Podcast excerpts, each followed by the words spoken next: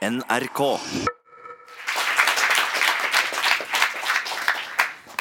Hei og velkommen. Eh, hvordan skal eh, norske IS-terrorister straffes? Og hvilket ansvar har Norge for norske IS-medlemmer? Terrororganisasjonen IS har mistet eh, territoriene sine, men medlemmene har stått bak og medvirket til grusomme forbrytelser og overgrep mot eh, menneskeheten gjennom eh, flere år. Og Det internasjonale samfunnet har et ansvar for å sørge for at internasjonale forbrytelser straffes. Men hvor skal det rettsoppgjøret finne sted? Og hvem er det som skal ha ansvaret for det. Mitt navn er Yvonne Fondenes. Jeg jobber til daglig for eh, TV 2 eh, Nyhetskanal, men skal altså lede dere gjennom denne debatten her på bruket. Jeg ønsker, ønsker å få opp på scenen og ønske velkommen eh, Thomas Hegghammer, som er ekspert på ekstremisme. Han er seniorforsker ved Forsvarets forskningsinstitutt. Velkommen. Jeg vil også ønske Sylo Taraku, som er rådgiver i Tankesmien Agenda. Elisabeth Baumann, som er dommer i Borgarting lagmannsrett. Hun har ph.d. i internasjonal strafferett om statens plikt til å ha rettsoppgjør. Og hun har også hatt internasjonale oppdrag bl.a. i Afghanistan. Og helt til slutt så får vi opp Sofie Haugestøl, som er jurist og redaktør bak boken 'Fremmedkrigere'. Velkommen til dere. Jeg starter med deg, jeg er Thomas Heggammer. Er det naturlig at Norge tar en lederrolle og henter IS-soldater hjem for å straffeforfølge de her hjemme i Norge? Altså, vi har å gjøre med en veldig spesiell situasjon som det ikke er så mye presedens for. Uh, I den forstand at uh, man har uh, personer som er mistenkt for alvorlige forbrytelser, men de er anholdt av en gruppe, altså kurderne, eh, på eh, territoriet til en, til en annen stat, til, en stat, til staten Syria, som ikke har kontroll over de områdene hvor, hvor kurderne er. Så har man Irak ved siden av, hvor mange av forbrytelsene er, er, er begått. så har man jo den situasjonen da hvor at kurderne ønsker at vestlige land skal ta hånd om sine, sine, krigere. Men problemet er at kurderne snakker ikke på vegne av alle i regionen. De representerer ikke syriske eller irakiske myndigheter. De representerer ikke alle ofrene til IS-krigerne. Derfor er det veldig delikat for vestlige land å skulle gå inn og, og hente ut folk før et lokalt et rettsoppgjør har funnet sted. I hvert fall før lokalbefolkningen har fått et ord med i laget på hvordan de personene skal uh, måte, uh, prosesseres. Mm. Men har lokale domstoler de ressursene som skal til for å kjøre en rettsprosess på flere hundre IS-soldater? Per i dag så har de jo antakelig ikke det. I hvert fall ikke uh, på en sånn måte at det holde eh, den standarden som vi, som vi forventer eh, med tanke på rettssikkerhet og, og sånn. Men eh, det kan man si om mange steder rundt om i verden hvor man kan bli arrestert og stilt for retten. Så eh, en ting jeg har sagt en del, er jo at vi skal være forsiktige med å sette en presedens her. For vi, når folk sier at vi må inn og hente ut våre folk så Det vi i praksis sier, er at vi må inn og så, altså, måtte hente ut folk før de har blitt prosessert i det lokale rettssystemet. Det er en veldig farlig presedens. For hva gjør vi neste gang eh, det er noen som er et sånn limbo. Vi kan ikke, jeg mener, Man skal frykte på en måte sette en president hvor man reiser rundt og henter ut egne borgere mot lokalbefolkningens kanskje ønske før de har fått et laget. Nettopp. ok. Eh, Sofie Høgestøl, du mener IS-krigerne bør hentes til hjemlandene sine og stilles for retten der. Hvorfor det? Ja, altså Slik stasjonen er i dag, Um, så mener jeg at det nok er den eneste reelle straffefølgingsmuligheten i dag. Det kan jo endre på seg. Nå skjer det jo mye um, i konfliktsonen. Men dette har jo vært et spørsmål uh, siste, som har rast siste månedene. Uh, og det som har endret seg for min del, og grunnen til at jeg skrev den kronikken i Aftenposten om dette her, det var jo fordi at USA skal trekke seg ut av Syria nå. Uh, Og det er jo slik i praksis at det er uh, USA-allierte styrker på bakken som varetektsfengsler mange av disse her, uh, disse internasjonale IS-krigerne, altså disse fremmedkrigerne. Og det medfører at, uh, at, når de trekker seg ut, så er det litt uklart hva som skjer med de i praksis. Og USA har jo jobbet lenge bak kulissene for å få vestlige land til å hente hjem fremmedkrigerne sine ut av konfliktområdet. Litt fordi at de mener at det, blir, det, blir, det, er vanskelig nok på bakken som det er, det at man har flere hundre personer utenlands utenlandske personer inn i dette bildet, det vanskeligere situasjon for dem. Uh, Trump har gjort, sett seg lei av den diplomatiarbeidet og har jo tatt den diskusjonen til Twitter. som han ofte gjør. Og har da tweetet at uh, the United States is asking Britain, France, Germany and other European allies to take back over 800 ISIS fighters that we captured in Syria and put them on trial. The caliphate is ready to fall. The alternative is not a good one in that we will be forced to release them. Det er jo den trusselen USA kommer med, at hvis ikke det er henta hjem nå, så kommer vi til å løslate dem. Eh, det får vi se. altså Dette er jo en intern diskusjon i USA, hvor fort de kommer til å trekke seg ut. Om de kommer til å trekke seg så fort ut som det Trump gjør, det vet vi jo ikke. Men, men da er nok reaksjonen min at sånn som situasjonen er i dag, så virker det ikke å være noen åpenbar straffemulighet lokalt. Det vil si at Lokaldomstolene i Syria i dag virker ikke å være i stand til å, å straffølge internasjonale fremmedkrigerne. Eh, det er ikke noe stemning akkurat nå for en helren internasjonal straffedomstol, slik som Sverige har ville ha. Og det er ikke så mange gode løsninger igjen. Men det er situasjonen eh, slik den er i dag. Vi har jo sett siste, siste 48 timene at det har kommet frem i internasjonal presse at Irak har sagt seg villig til å stille eh, fremmedkrigere for retten i Irak dersom de får en del uh, midler fra det internasjonale samfunnet til å gjøre det. Så her har jo kommet opp en ny mulighet. Mm, vi skal snakke om det, men uh, Hegama, du må svare på det at Hvis vi ikke tar dem hjem, så risikerer vi at de ikke blir straffeforfulgt i det hele tatt. Ja, jeg tror ikke det er så veldig sannsynlig. Uh, jeg, jeg, jeg, tror at det er tilstrekkelig med vilje lokalt og internasjonalt uh, til at uh, de fleste vil bli passa på på en eller annen måte. Jeg tror ikke jeg tror det er på til viss grad en tom trussel. det at hvis vi, måtte, hvis vi, ikke henter dem, så blir de måte, sluppet helt fri og blir, måte, tilbake, kunne reorganisere seg i terrorgrupper igjen. Sylo eh, Taraku, hva mener du er den beste løsningen? Mm, jeg tenker at uh, Når vi diskuterer hva vi skal gjøre med norske fremmedkrigere, så, så er det et sekundært spørsmål. Hovedspørsmålet er hva det internasjonale samfunnet bør gjøre for å hjelpe lokalbefolkningen der med å ta et rettsoppgjør etter de massive overgrepene der. Eh, og så må vi tenke først prinsipielt. Hva er riktig å gjøre prinsipielt? Og deretter praktisk og pragmatisk hva er mulig å gjøre. Eh, for det første så har vi eh, som internasjonalt samfunn et ansvar for å bekjempe straffrihet. Man har utviklet en universell eh, strafferett for å ta seg av forbrytelser mot folkemord, forbrytelser mot menneskeheten og krigsforbrytelser.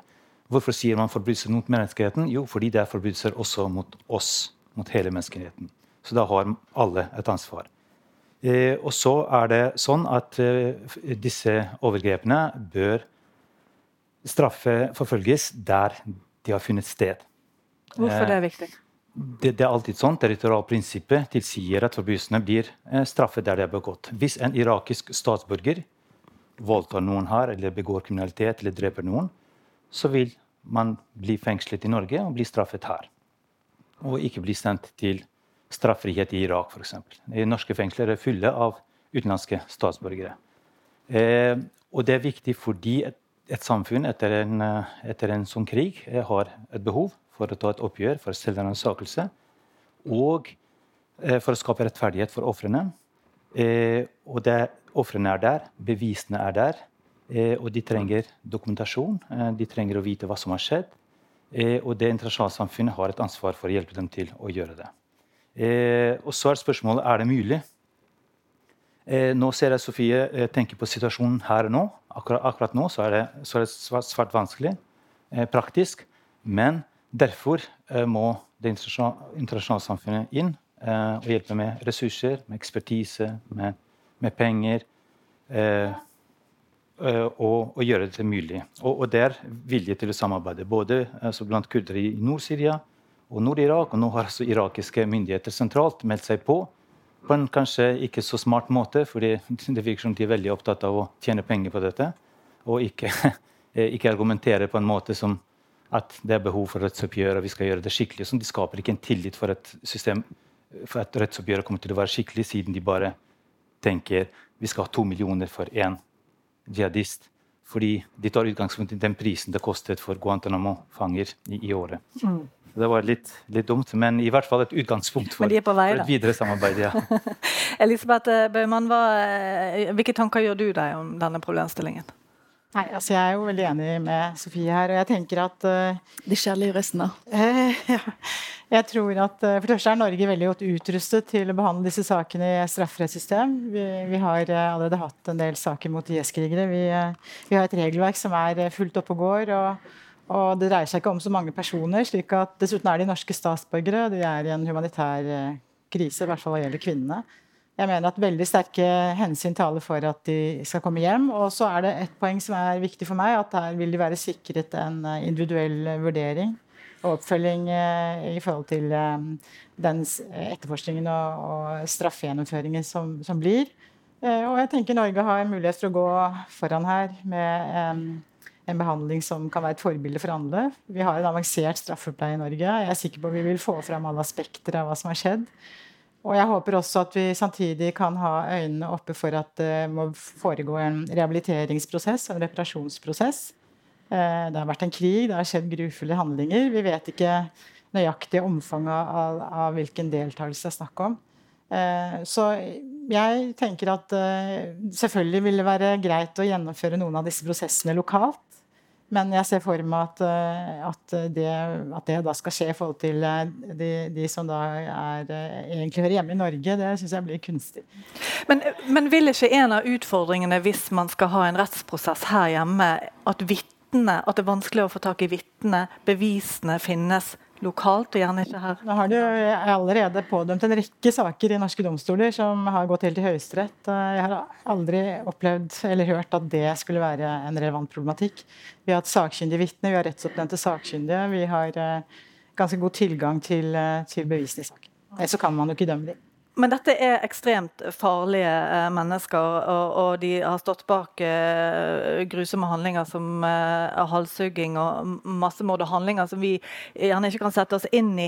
Eh, kan de dømmes til lange straffer her eh, hjemme, eller risikerer man med det lovverket vi har i dag, at de dømmes til fem, seks, sju år, og så kommer de ut igjen i det norske samfunnet?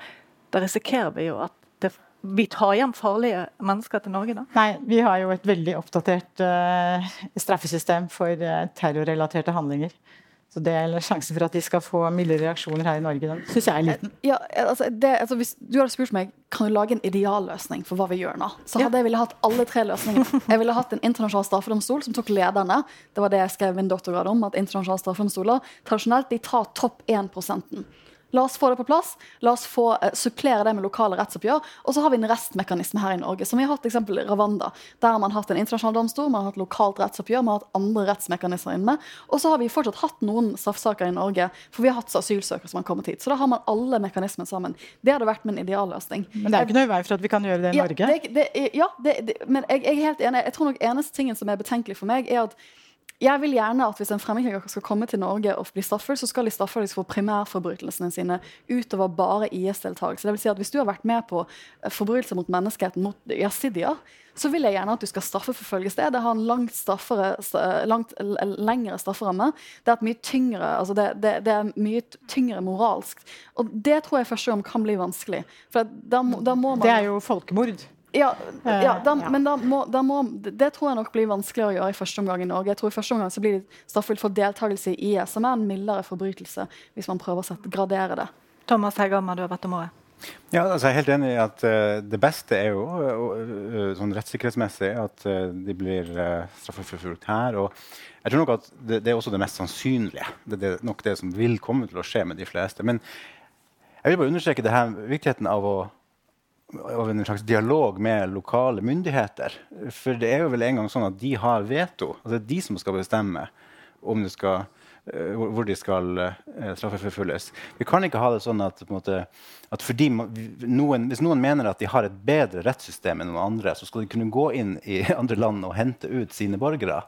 Eh, altså, I det ytterste konsekvens kan man se for seg liksom, et land som Saudi-Arabia altså mener at de har et bedre rettssystem, som islamsk rettssystem, og så har de noen borgere i det andre landet som går inn og henter dem ut. og de mener at de får en bedre prosessering.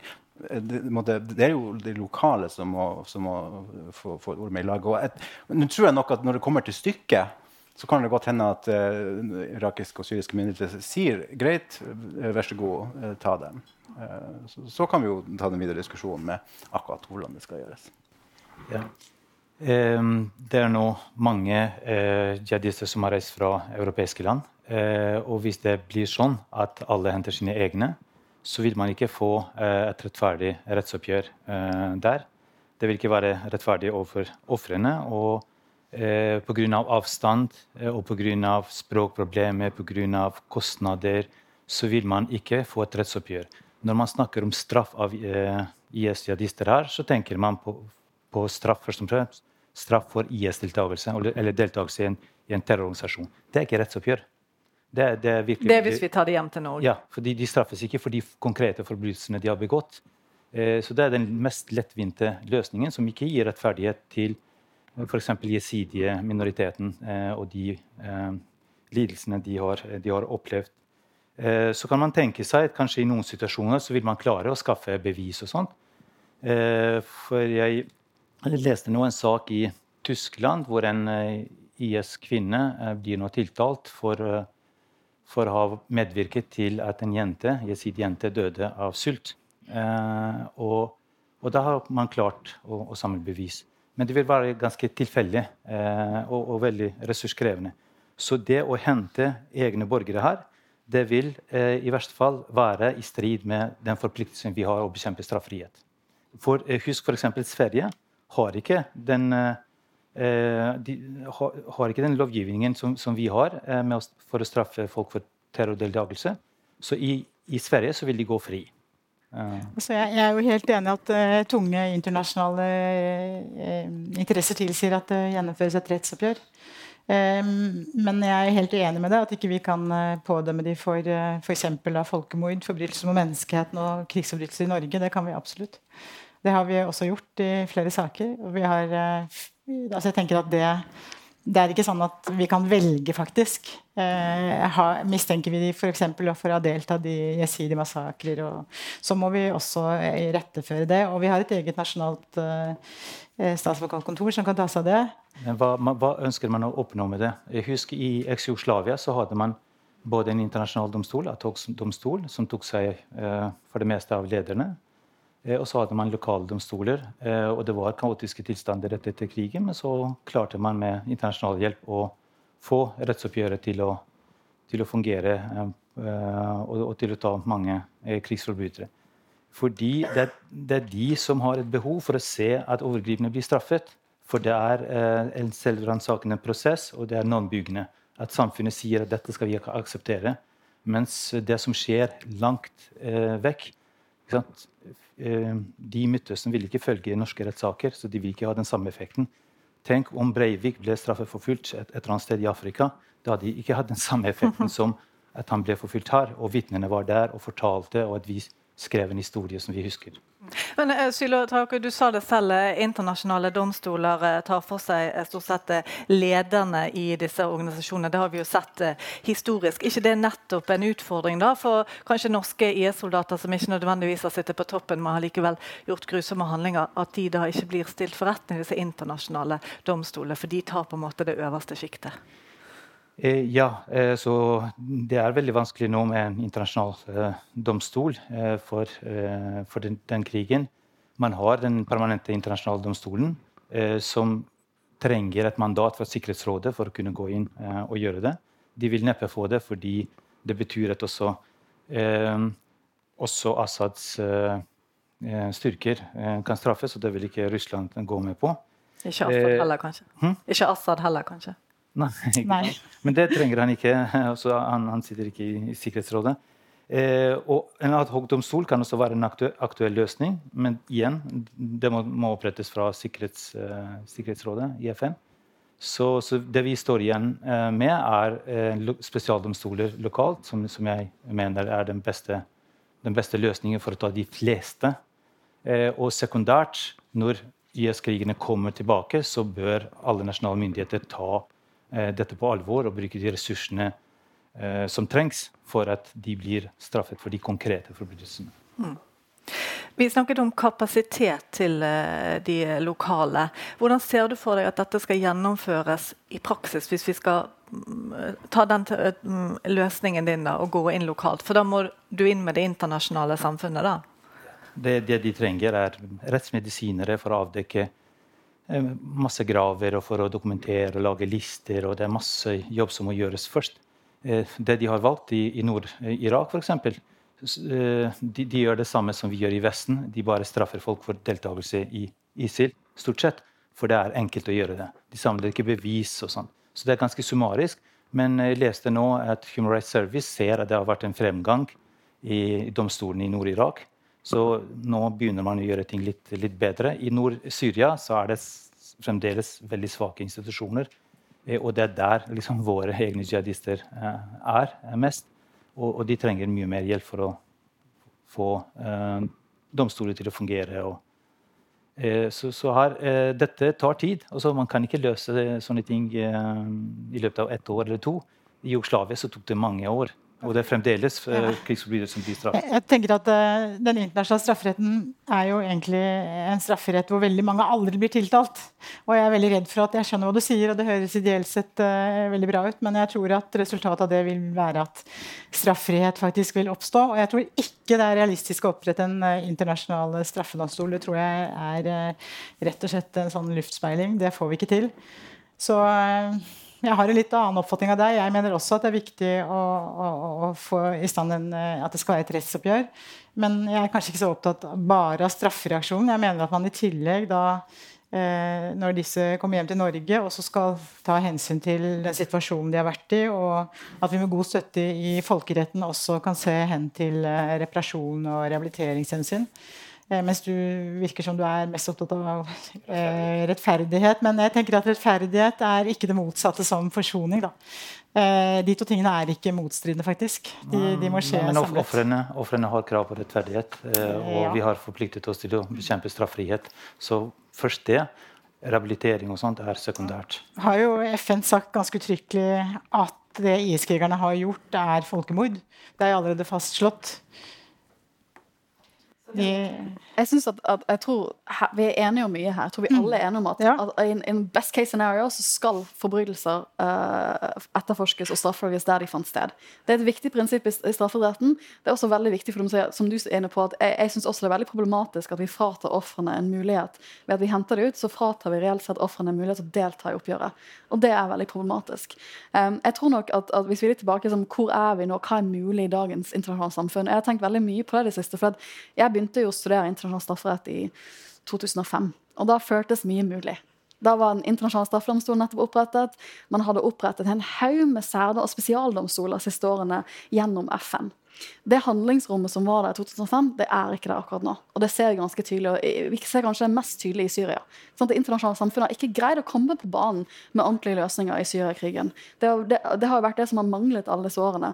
Um, og, og, folk som jobber i vårt felt, de, er, de har lyst på en internasjonal straffedomstol. Det er mange kolleger som har veldig lyst, som hadde begynt i morgen altså hvis man opprettet en internasjonal straffedomstol for Syria. De hadde vært på fly med en gang. Problemet har vært at, at man har jo hatt internasjonale strafferettseksperter som har, har skrevet vedtekter. De har vært med på å samle inn informasjon. Men når de begynner å snakke om dette her i en FN-setting, så er det, ikke, det er ikke opp til diskusjon engang. Og det handler jo litt å gjøre om at Russland er tungt inne i altså alle, Det er så mange parter som er tungt inne i Syria-konflikten. Og det medfører jo reelt sett at f.eks. skal en internasjonal straffedomstol etterforske, så er jo de veldig tydelige på at da ser vi på alle sider av konflikten. Og da er, jo, da er, jo, russiske soldater på bordet, amerikanske soldater kan, kan straffes, og det kan også selvfølgelig Assad. Og Forskjellen mellom når vi begynte å snakke om hvordan lage et rettsoppgjør for noen år siden i, i internasjonalt strafferettsmiljø, og nå er jo at Assad går ikke av i morgen. Han blir nok sittende i denne konteksten vi er nå. Og Det, det gjør internasjonale strafferettsmekanismer ganske sensitive. For det betyr jo egentlig at man avskjærer alle de forbrytelsene som har blitt begått av andre sider av konflikten der, og fokuserer på IS-krigene. Det, det IS-krigene har gjort, det, Man kan jo skjønne det også, men, men en del av de uh, forbry, altså grove forbrytelsene som har blitt begått av Assad-regimet, det er jo ikke på bordet. Det betyr at det å diskutere det i Syria være ganske sensitivt. For regimet vil jo ikke, vil jo ikke skape strafferettsmekanismer de kan felle seg selv. Så det, det, gjør hele situasjonen ganske vanskelig. Det er litt derfor jeg faller tilbake på hva er realistiske løsninger nå. Hmm. Thomas Heggan? Jeg vil bare legge til i forlengelsen av det at uh, i Midtøsten så er ikke IS like viktig som vi syns det er. Uh, sett fra Europa så har på en måte IS vært det, liksom den største og viktigste saken i Irak og, og Syriakrigen de siste årene. Men for de fleste i regionen så er det bare én av mange aktører, og for mange så er det ikke den viktigste. Og en betydelig andel av befolkningen har jo masse konspirasjonsteorier til og med om hvem som står bak. Flere titalls prosent mener, øh, mener at, det, at, IS er drevet av amerikanerne sjøl. Sånn at Eh, det er litt derfor jeg også tror at liksom, når det kommer til stykket, så, så, så, kommer lokale myndigheter til å akseptere at de blir henta hjem eller til et annet sted. For det er, ikke, det, det er ikke, det er ikke, sentra, er ikke helt sentralt for, eh, for nasjonen Syria og Irak. Mm. Men norske myndigheter har så langt gjort det klart at det ikke er aktuelt å eh, reise til disse områdene og hente hjem norske fremmedkrigere. Eh, litt fordi det er komplisert, det finnes ikke noe presedens på det. Altså, eh, hvordan ser dere for dere at det skulle skje sånn rent praktisk? Det er et veldig godt spørsmål. Um, jeg tenker at, at altså, Dette er jo ikke en lett stasjon for noen. Vi ser at Nå har jo noen land begynt å hente hjem. Russland, uh, ifølge The Washington Post, har en lang artikkel om hvordan Russland har hentet hjem sine fremmedkrigere. De skal ha hentet hjem flere hundre fremmedkrigere fra konfliktsonen. Så det er mulig. Men da må man ringe Putin. Så jeg synes det er veldig rart å være i en debatt hvor jeg er enig med Trump, og så ser jeg ringe Putin og spør om hjelp. Det, det, er uvanlig for meg å liksom ta den holdningen når jeg vanligvis forsker på menneskerettigheter og straff. Uh, men, men, men, de har jo hentet hjem eh, flere hundre av deres egne fremmedkrigere, altså også ganske mange barn. Uh, så det er, jo, det er, jo, vanskelig. Men det har jo, det har jo, vist seg gjennom Russland at det er mulig. Men hvordan dette skal altså, Jeg er jo helt enig med dere når dere sier at, at, at Eh, jeg er veldig imot at noen skal tenke at man kan reise til utlandet og begå en straffbehandling, så blir man hentet hjem av Norge. Man må, man må, respektere de lovene i det landet man er. Um, så jeg er helt enig om at det, sånn, det, hvilken signal det sender, det er ikke lett for den norske stat heller. For, jeg, for det, det, skal ikke være sånn i utgangspunktet. Men igjen, hva gjør vi? Um, hva gjør vi i den situasjonen vi er i nå? Um, Altså, det blir jo et veldig sånn ensidig syn på straff. Da. Dette her er et stort uh, humanitært aspekt også.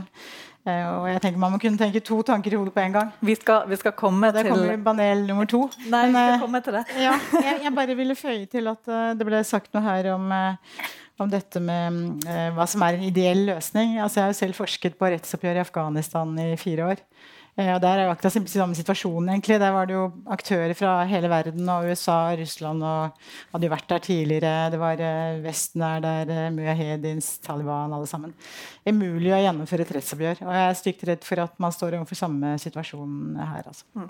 Jeg har bare lyst til å spørre deg, Thomas Hegghammer, aller først. For det, når man snakker om at man skal ta igjen disse IS-krigerne til Norge. Eh, for de fleste, Dette er ekstremt farlige mennesker.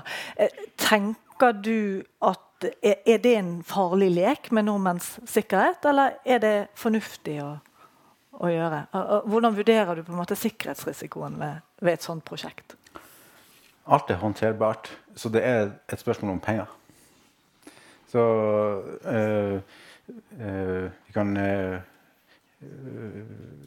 altså, de, de, personene vi snakker om, de er jo identifisert, og de er i varetekt. Så de kommer jo hjem liksom, i kontrollerte former, bokstavelig talt i, i jern.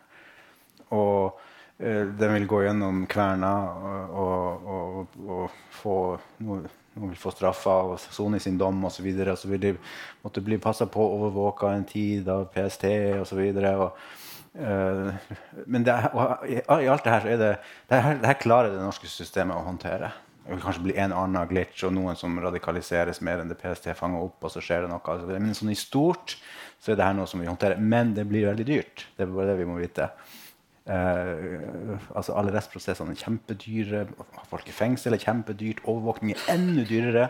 Eh, og, og må, Folk må overvåkes i mange mange år. Ikke bare må de overvåkes, men disse folkene som de har kontakt med, vil kunne måtte overvåkes. Så vi snakker om så, kjempestor regning, rett og slett. Men det er håndterbart. Mm. Men hvis vi ikke henter dem hjem, og de ikke blir straffeforfulgt der de er, Er det noe stor risiko for at de tar seg hjem til Norge på egen hånd? At vi mister kontroll over dem på en måte? Jeg, jeg, jeg mener at den, den, den, risikoen er blitt litt uh, overvurdert. Det, det, er selvfølgelig en mulighet, og det kan skje med enkelte. Men sånn, i stort så tror jeg ikke det vil være et, et spesielt problem. Fordi de personene her er de identifisert. Og det, i dag så er det så mye grensekontroll, det er masse biometri. Eh, alle Europas tjenester har delt data om hvem de her personene er. Men én er vel én for mye? med tanke det kan, på...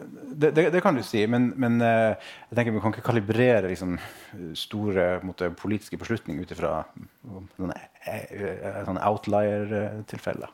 Så, så, det vil være fryktelig vanskelig for en person som måte, allerede er på rømmen i, i, i, i Syria, og skulle ta seg hele veien opp til Norge og planlegge et angrep i skjul uten altså, uh, reseptpapirer, kredittkort osv. Det, det er fryktelig vanskelig.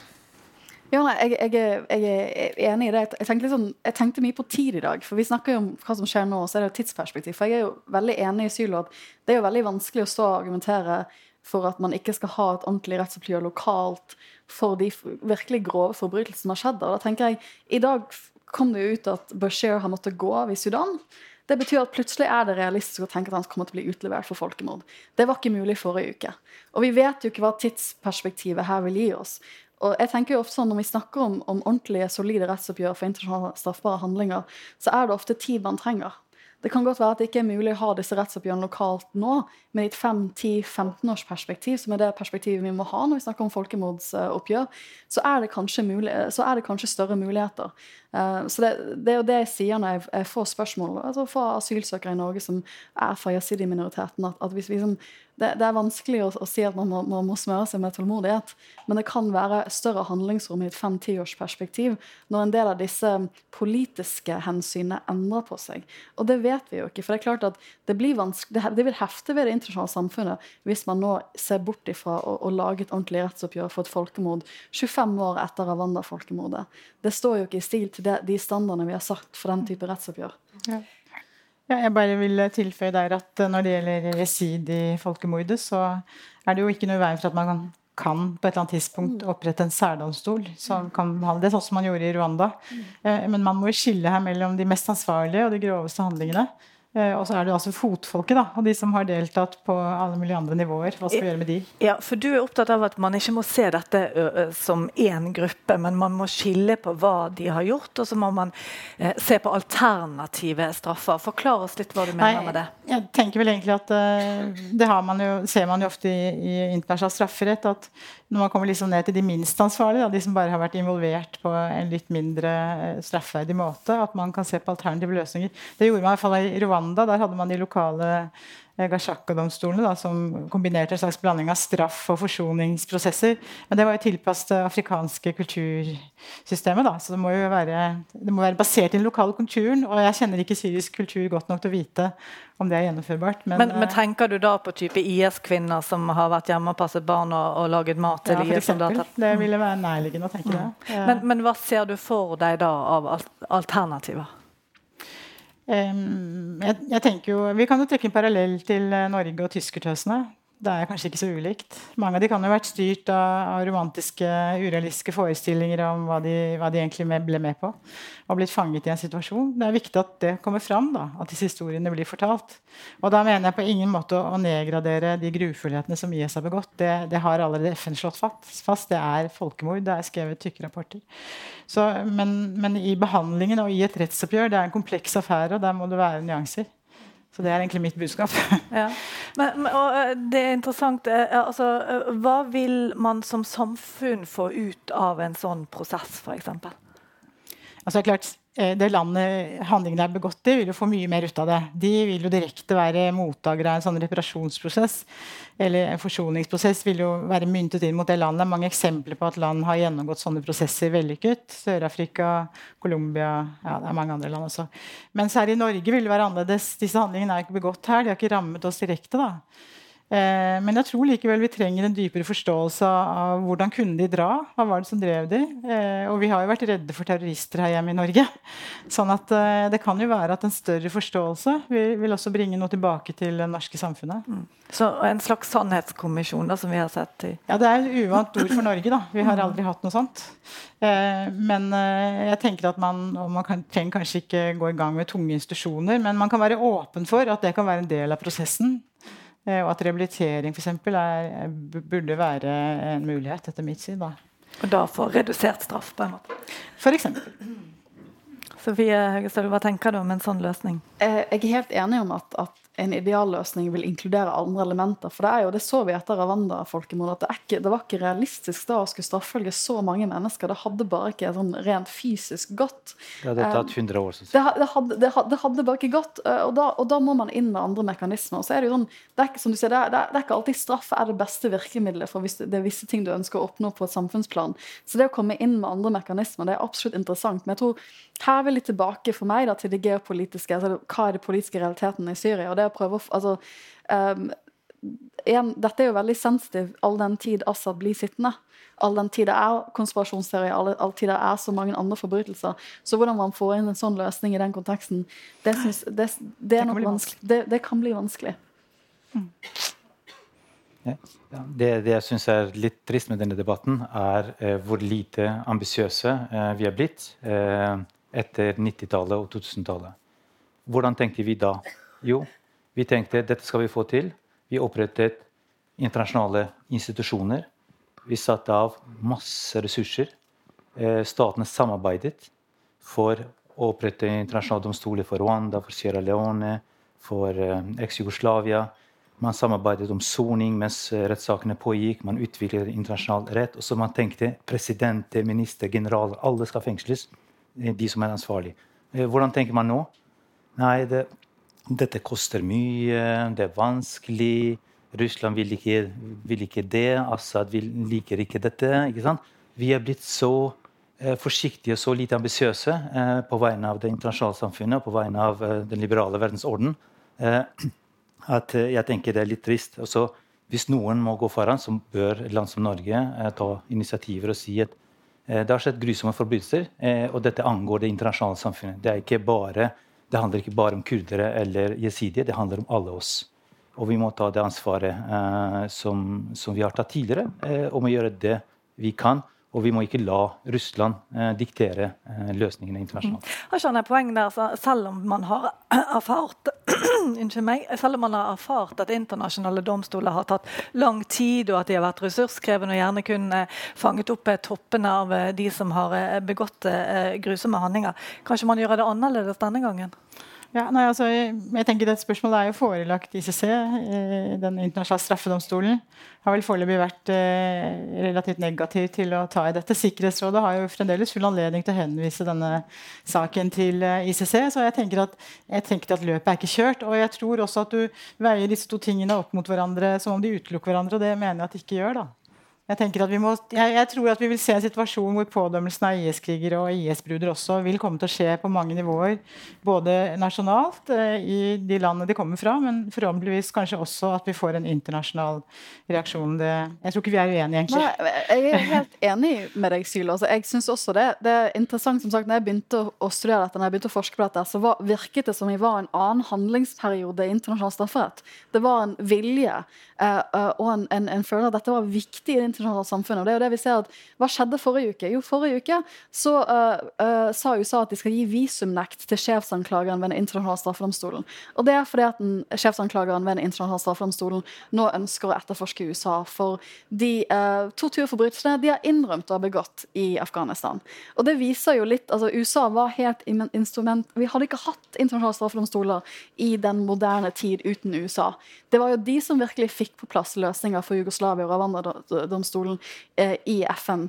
Eh, og, og, og vis, For meg var det veldig betegnende at USA nå plutselig er et land som ikke vil gi visumnekt til en sjefsanklager ved en internasjonal straffedomstol. Da har vi kommet veldig langt. og det, det, gått, jeg føler at det har gått veldig fort. Jeg så tilbake på en del ting som skjedde i 2016 som føles lenge siden for meg, sånn vis vi hvor vi er i 2019 utviklingsmessig. Så jeg er helt enig at vi burde være mer ambisiøse, men jeg tror internasjonal strafferett som et prosjekt er litt i krise nå, fordi den internasjonale straffedomstolen sliter veldig om dagen. Så snak, det, det, vi snakker om som forskere nå, at vi er en post...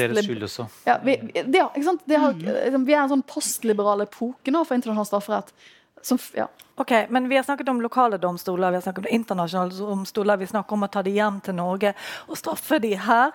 Eh, hva med en europeisk domstol? At, uh, der alle de europeiske IS-krigerne og IS-medlemmene straff, straffes. Er det enklere å få til, Hegghammer? Uh, ja, altså det, det, det, juridiske er ikke det jeg kan best, men, men altså så jeg er jo en lek, lekeperson der som, som, alle andre. Men for meg så virker det som, en, som mye lettere å, måte, å, koordinere og få opp og gå. Og, og så enn en, en noe som skal bygges helt fra scratch på, på, talt på slagmarken i, i Syria. Mm. Altså, jeg, jeg, har ikke tro på at det kan skje akkurat nå. Jeg tror det er urealistisk.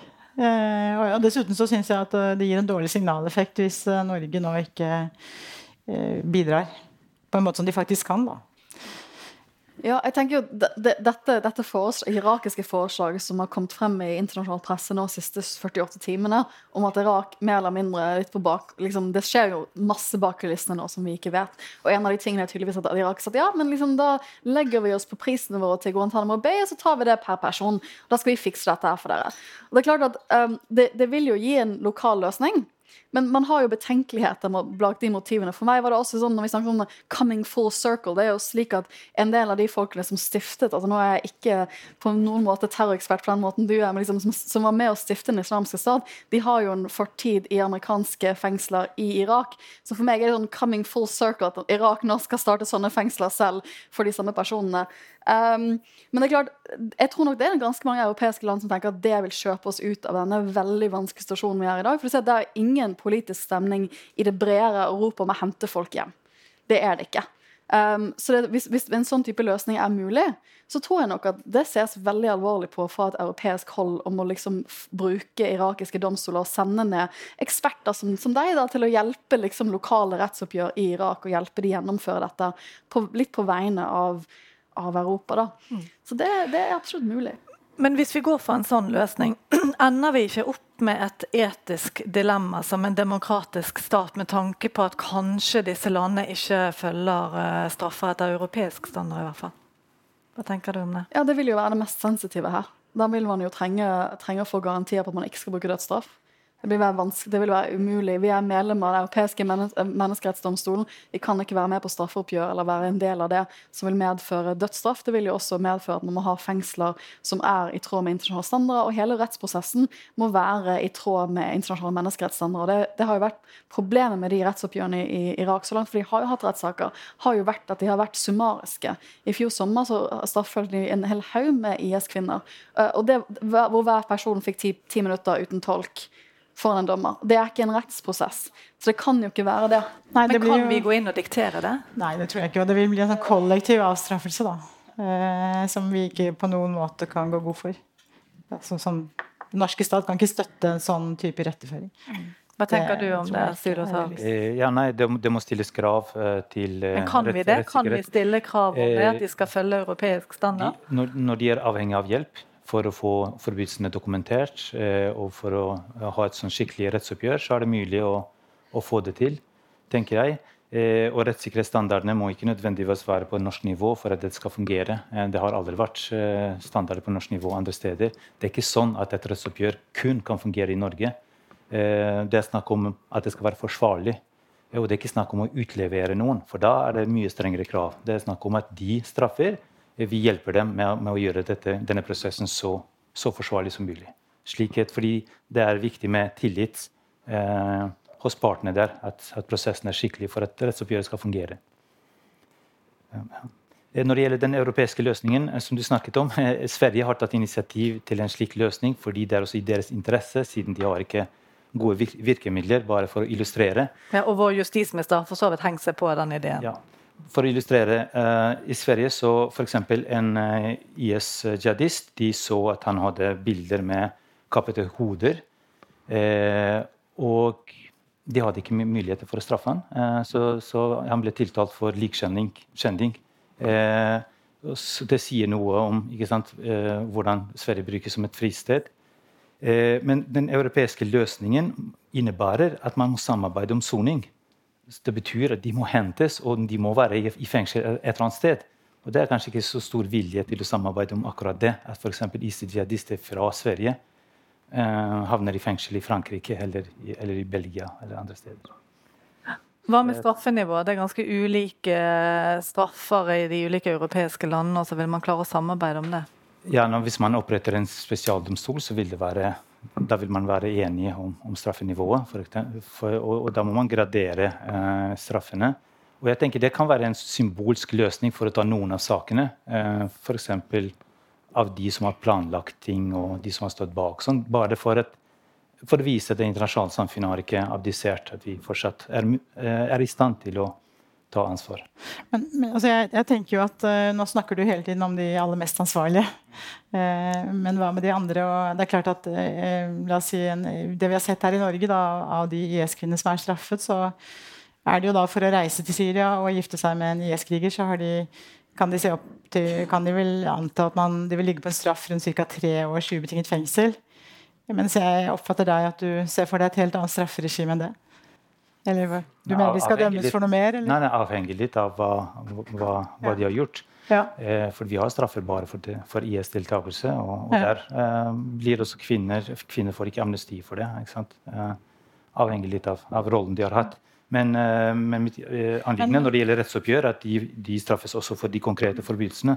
For det er det som er rettferdig. Men på en måte det er, det, er det jeg prøver å formidle. Da, at I en sånn type rettsoppgjør som du snakker om, så vil det alltid være nyanser. Og man vil bruke også alternativer, ikke bare strenge straffer. Så det er jo titusener IS-jihadister, og de færreste av dem kommer til å bli straffet uansett hva, hva man gjør. Lokalt eller internasjonalt. Da blir man sjakkmatt, selvfølgelig. ja, jeg, jeg, skrev jo hele doktorgraden min om hvem er mest ansvarlig. Det var jo Hvordan, hvordan, hvordan velger internasjonal straffedomstol denne 1 de tiltaler? Eh, og Det vi vet, det som den internasjonale straffedomstolen har sagt for Vi er jo medlem av den internasjonale straffedomstolen. og Det betyr at internasjonale straffedomstolen kan gå inn og straffølge norske statsborgere som har vært i Syria og begått forbrytelser. Men det er jo det ICC har sagt for fire år siden. Da har påtalemyndigheten sagt at vi ser at det er en del folk vi kan straffølge fordi at de er statsborgere av land som er medlem av, av, ICC. Men vi anser de ikke for å være de mest ansvarlige. Liksom, vi anser de som er mest ansvarlige for IS, å være folk fra Irak og Syria og de er ikke medlem. Men det belyser som, det er litt tilbake til det du sa. Liksom, en ting er at Hvis vi henter igjen de norske fremmedkrigerne, så vil det jo fortsatt medføre at de som har vært mest ansvarlig for de uh, forbrytelsene begått av IS, vil, vil få straffefrihet med mindre det er andre mekanismer i spill. Og det taler jo for en internasjonal straffedomstol, for jeg tror det er den beste måten å kunne straffølge altså de faktiske lederne for IS som er fra regionen, som ikke er fra europeiske land. Men igjen, jeg tror, her, vi ser alle dilemmaene, for her er det så mange dilemmaer. og så er det få idealløsninger. Ja. Vi er enige. Ja.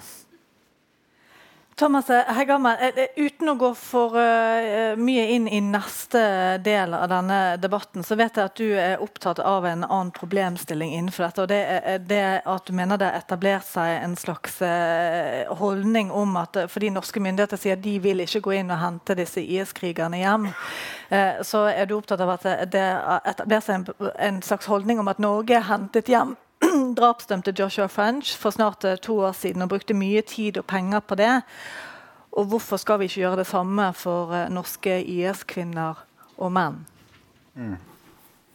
Ja um, uh, det, det, er et uh, interessant fenomen nesten, altså, hvor, hvor, utbredt si den, den påstanden om at Norge har for vane å hente hjem for å si det på spissen, hvite nordmenn, eh, men ikke vil gjøre det med brune muslimer, for å si det måte, litt sånn direkte. Eh, det er det mange måte, antyder. Men så, det som er forsvunnet litt der, er jo det at, at Joshua French-saken er helt unik. At uh, det er en outlier. Og at det er slett ikke vanlig uh, at norske myndigheter reiser ut og så henter folk, folk hjem. Eh, og det sitter til enhver tid mellom 50 og 100 nordmenn, eh, de fleste av dem hvite, eh, i fengsel i ulike land. Eh, noen av dem med fryktelige fengsels- og rettssystem. Og som ikke fikk den hjelpen som Joshua French har fått. En annen aspekt ved French-saken er jo at han ble henta etter at han ble dømt. Han, han ble ikke henta ut før lokale myndigheter fikk, fikk, fikk, dømt ham. Så har man en sak til som, også, som ofte trekkes inn. Det er jo denne saken fra Bolivia. hvor Eh, den unge datteren til hun, hun som tiltalt der, ble, ble henta ut. Eh, men der var jo, der var jo først, der var, det, der var det familien som var på en måte primus motor i det hele, og hvor UD fasiliterte. Det var på en måte ikke et renspikka eh, altså myndighetsprosjekt eh, på, på, den måten. Og det er også en sjelden sak. Det, det, det, det er en, en unntak. sånn at um, så, så, det er på en måte de to sakene vi har. Så, så mange sier liksom at Nevner de som, som, eksempel, så antyder man at det er en masse andre saker. Det er det ikke. Det er de sakene. Mm. Og Forskjellen er kanskje at de også var dømt uh, i det landet de hadde begått forbrytelsen før.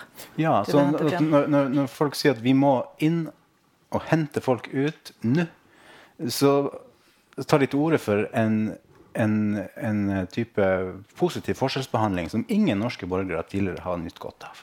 Heller ikke Joshua French. Og det er helt uhørt å gjøre det internasjonalt. Tenk om Irak eller eh, andre land går inn og henter sine egne borgere som har begått grove forbrytelser i Norge. Det, det, skjer ikke. Vi har nå omtrent 50 norske statsborgere som er dømt, eh, som sitter i fengsler ute i verden, inkludert Kina, eh, for ulike forbrytelser. For eh, narkoforbrytelser, for drap, vi har en drapssak i Bosnia eh, for pedofili osv. Norge gjør ingenting for dem. Men klart henvender man seg til et konsulat og ber om, ber om bistand, så, så, så, det, så, finnes det retningslinjer for det. Men, men, det å si at de skal ikke straffes, vi skal hente dem til Norge, det er, ikke, det er ikke det som er vanlig internasjonalt. Det ville vært helt uhørt. Vi har lite tid, men jeg vil bare si at jeg vil snu det litt på hodet. Jeg vil si at uh, den grad Norge faktisk kan bidra til uh, rettsoppgjør og straffrihet, så vil det nettopp være ved å hente disse hjem. Uh, da kan vi få gjennomført det. Og det er ikke uvanlig at Norge blir spurt om det. I samarbeid med, med... Vi har hatt mange andre saker også som gjelder andre type internasjonale forbrytelser som vi har pådømt i Norge. Og vi er også blitt forespurt av de internasjonale domstolene om å ta slike saker. Og vi har et apparat for å gjøre det. Som en del av et internasjonalt samarbeid? Eh, ja. ikke sant? Ja. Men vi kan ikke bare gå inn i Irak og blande oss inn og, og, og liksom overstyre dem når det gjelder eh, straffeprosesser som, som de, de, de, er i gang med. Sofie Høgestøl, en avsluttende kommentar. Dette er kjempevanskelig. Thomas Hengammer, du skal også få siste ord. Jeg sier nøyaktig det samme. ok, Da avslutter vi der. En vanskelig problemstilling, men likevel interessant å høre på dere alle sammen. Takk til Thomas Henke Hammer, Sylo Taraku, Elisabeth Baumann og Sofie Høgestøl.